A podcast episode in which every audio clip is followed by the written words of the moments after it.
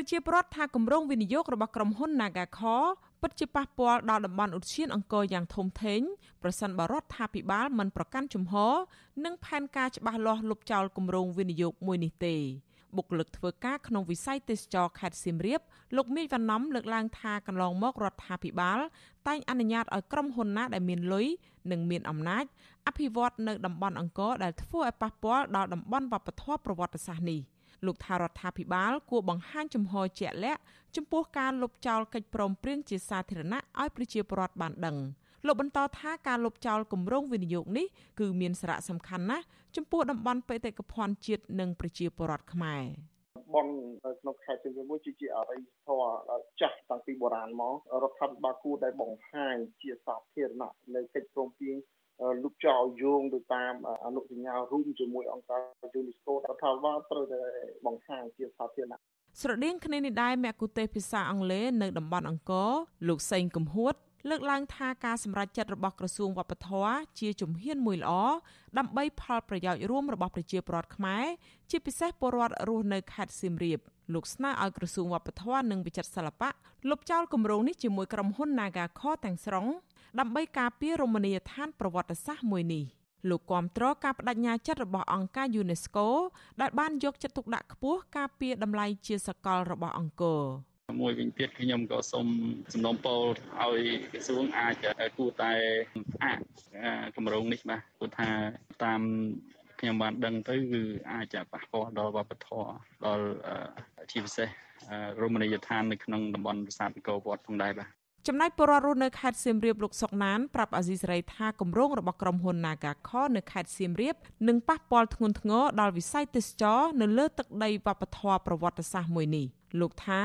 លោកមិនជំទាស់ទៅនឹងគម្រោងអភិវឌ្ឍដើម្បីតាក់ទាញភ្ញៀវទេសចរនិងរកចំណូលចូលជាតិនោះទេប៉ុន្តែរដ្ឋាភិបាលមុនសម្រាប់គម្រោងអភិវឌ្ឍអ្វីមួយគួរពិចារណាឲ្យបានត្រឹមត្រូវនិងច្បាស់លាស់ព្រោះគម្រោងអភិវឌ្ឍខ្នាតធំបែបនេះនឹងប៉ះពាល់ដល់វិស័យទេសចរវប្បធម៌និងទេសចរបែបធម្មជាតិទាំងមូលបញ្ហា ប្រាសាទតំបន់អង្គរនេះការ UNESCO នឹងគួរមានចំណែកចូលរួមក្នុងការទប់ស្កាត់ដាក់សម្ពាធយ៉ាងណាឲ្យរដ្ឋាភិបាលគិតពិចារណាឡើងវិញក្នុងនាមខ្ញុំជាកូនខ្មែរគឺខ្ញុំមិនគ្រប់គ្រងនឹងការសាងសង់នាការស្ថបនៅចិត្តតំបន់អង្គរនេះជាដាច់ខាត ក្រសួងវប្បធម៌កាលពីថ្ងៃទី23ខែមិនិនាប្រកាសជំហរយល់ស្របជាមួយគណៈកម្មាធិការអន្តរជាតិដើម្បីអភិរក្សនិងអភិវឌ្ឍតំបន់រមណីយដ្ឋានអង្គរឬហៅកាត់ថា ICC អង្គរនិងក្រុមអ្នកជំនាញការផ្នែកអភិរក្សនិងអភិវឌ្ឍបញ្ជាក់ថាគម្រោងអភិវឌ្ឍបឹងអច្ឆរិយអង្គរដែលស្នើដោយក្រុមហ៊ុន Naga មិនអាចអនុវត្តបានទេ ក្រោយពីតំបន់អង្គរคล้ายជាសម្បត្តិបេតិកភណ្ឌពិភពលោកចាប់តាំងពីឆ្នាំ1992មកគណៈកម្មាធិការអន្តរជាតិ ICC អង្គរដែលមានការចូលរួមពីតំណាងស្ថាប័នកម្ពុជា ដឹកនាំដោយក្រសួងវប្បធម៌ស្ថានទូតបារាំងនិងជប៉ុនដែលជាសហប្រធានការិយាល័យអង្គការ UNESCO ប្រចាំកម្ពុជា និងក្រុមអ្នកជំនាញការផ្នែកអភិរក្សនិងអភិវឌ្ឍមានតួនាទីសំខាន់សម្រាប់ពង្រឹងអនុវត្តអនុសញ្ញាផ្សេងៗពាក់ព័ន្ធទៅ ៅនឹងបេតិកភណ្ឌពិភពលោកដើម្បីការពារតម្លៃជាសកលនៃតំបន់អង្គរដែលជាអត្តសញ្ញាណជាតិកម្ពុជា ជុំវិញរឿងនេះអគ្គនាយកអាជ្ញាធរជាតិអប្សរាលោកសុំម៉ាប់បញ្ជាក់ថាគម្រោងវិនិយោគរបស់ក្រុមហ៊ុន Nagaco នៅជិតតំបន់ឧស្សាហអង្គរលុបចេញច្បាស់លាស់ហើយលោកអះអាងថារដ្ឋាភិបាលបានខិតខំអភិរក្សបេតិកភណ្ឌជាពិសេសតំបន់អង្គរជាកិច្ចការអតិភិបយូរណាស់មកហើយដែលរដ្ឋាភិបាលចាត់ទុកជាអត្តសញ្ញាណជាតិហើយត្រូវបានហាមឃាត់ចំពោះសកម្មភាពដែលប៉ះពាល់ដោយប្រយោលក្តី មូលហេតុនោះដោយសារតែវាអាចមានផលប៉ះពាល់បងធំពេកនិយាយចំនៅគម្រោងធំពេកលុបចោលឬក៏មិនអាចអនុវត្តបានវាដូចតែមួយអ្វីដែលសំខាន់សម្រាប់រដ្ឋាភិបាលកិច្ចការអភិរក្សបេតិកភណ្ឌជាពិសេសអង្គរហ្នឹងគឺជាកិច្ចការអភិភាពហើយដែលការផ្ដល់អភិភាពហ្នឹងគឺ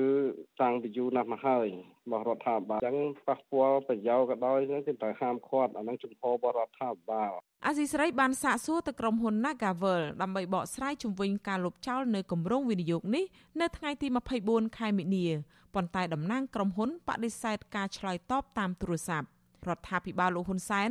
បានសម្រេចអនុញ្ញាតឲ្យក្រុមហ៊ុន Naga ដែលជាក្រុមហ៊ុនធំ នៃក្រុមហ៊ុន Casino Naga World ជួលដីរយៈពេល50ឆ្នាំទំហំ75ហិកតា ដែលមានចម្ងាយ500ម៉ែត្រពីឧទ្យានជាតិអង្គរ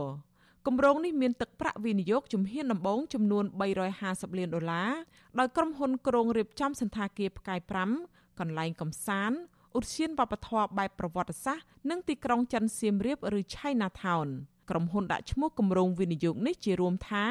Angkor Lake of Wonder អ្នកខ្លំមើលការអភិវឌ្ឍសង្គមបណ្ឌិតសេងសេរីមានប្រសាសន៍ថារដ្ឋាភិបាលផ្លាស់ប្តូរអេរយាប័តគឺកំពុងដើរលើផ្លូវត្រឹមត្រូវមួយចំពោះក្តីកង្វល់របស់ប្រជាពលរដ្ឋនិងភាគីពាក់ព័ន្ធដែលលើកឡើងឲ្យពិចារណាឡើងវិញចំពោះក្រុមហ៊ុននេះលោកថាប្រជាពលរដ្ឋនិងភាគីពាក់ព័ន្ធមើលឃើញបញ្ហានេះជាយូរមកហើយលោកបន្តថាសេចក្តីប្រកាសព័ត៌មាននោះគ្រាន់តែជាការស្អំចិត្តប្រជាពលរដ្ឋមួយរយៈពេលសិនហើយការអនុវត្តទំនងជាមិនពិតប្រាកដនោះទេ លោកមើលឃើញថាកន្លងមករបៀបនិងយុទ្ធសាស្ត្រដោះស្រាយបញ្ហានេះតែងតែកើតមានឡើងជាញឹកញាប់ដែលរដ្ឋាភិបាលបដិសេធនៅពីមុខតែរឿងនៅខាងក្រោយនៅតែបន្តបើយើងមើល UNESCO ជាយន្តការមួយក្រៅរដ្ឋាភិបាលហើយក៏ជាដៃគូរបស់រដ្ឋាភិបាលនៅក្នុងការរៀបចំផែនការមេសម្រាប់អភិវឌ្ឍតំបន់វប្បធម៌អរិយធម៌ប្រវត្តិសាស្ត្រនឹងដែរ ក៏ប៉ុន្តែខ្ញុំមិនដឹងថាកិច្ចសហប្រតិបត្តិការហ្នឹងវាមានភាពរលូនស៊ីចង្វាក់គ្នាប៉ុណ្ណាទេព្រោះកន្លងមកនេះយើងឃើញថាអ្វីដែល UNESCO ប្រឹងប្រែងនៅក្នុងការព្យាយាមរៀបចំរឿងហ្នឹងក៏មិនត្រូវបានរដ្ឋាភិបាលហ្នឹងចាត់ទុកដាក់ប្រមាណដែរហើយពលរដ្ឋក៏មានខមមិនទៅលើរឿងមួយចំនួនហ្នឹងក៏រដ្ឋាភិបាលហាក់ដូចជាមិនសូវជាខ្វល់ទៅនឹងអ្វីដែលជាការទៀមទារបស់ពលរដ្ឋ អង្គការ UNESCO បានដាក់ប្រាសាទទាំងឡាយនៅក្នុងតំបន់អង្គរទាំងមូលព្រមទាំងបរិវេណនិងព្រៃព្រឹក្សានៅតំបន់អង្គរដែលមានទំហំប្រមាណ400គីឡូម៉ែត្រក្រឡាចូលជាសម្បត្តិបេតិកភណ្ឌពិភពលោកនៅខែធ្នូឆ្នាំ1992និងជាកន្លែងបុរាណវិទ្យាដ៏សំខាន់បំផុតមួយនៅអាស៊ីអាគ្នេយ៍ចា៎នាងខ្ញុំខែសុណងអាស៊ីសេរីរាយការណ៍ប្រធានាធិបតី Washington